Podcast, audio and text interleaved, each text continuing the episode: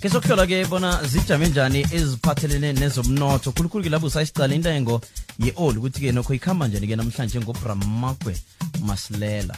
Bramakwe! Lotshani sibonile iprice yeoli iyachubeka yayehla since ngolosihlanu ngolosihlanu iyehlile ngoba sibonile ukuthi e-USA imisebenzi le umnotho wakhona uyicreatile icreate imisebenzi emincane compared to the way besicabanga ngakhona. Lokho kuyasibonisa ukuthi umnotho wase-USA awukhuli kakuhle and then if awukhuli kakuhle then kutsho ukuthi ne-petrol or into efana nabo-oli nabo-diesel i-demand yakhona izoyehla.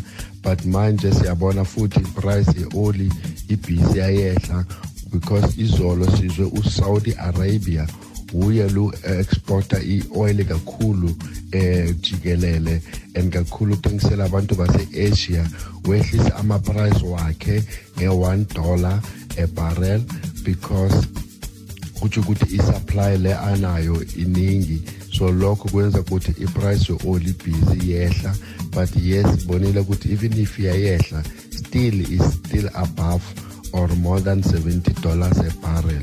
Siyathokoza.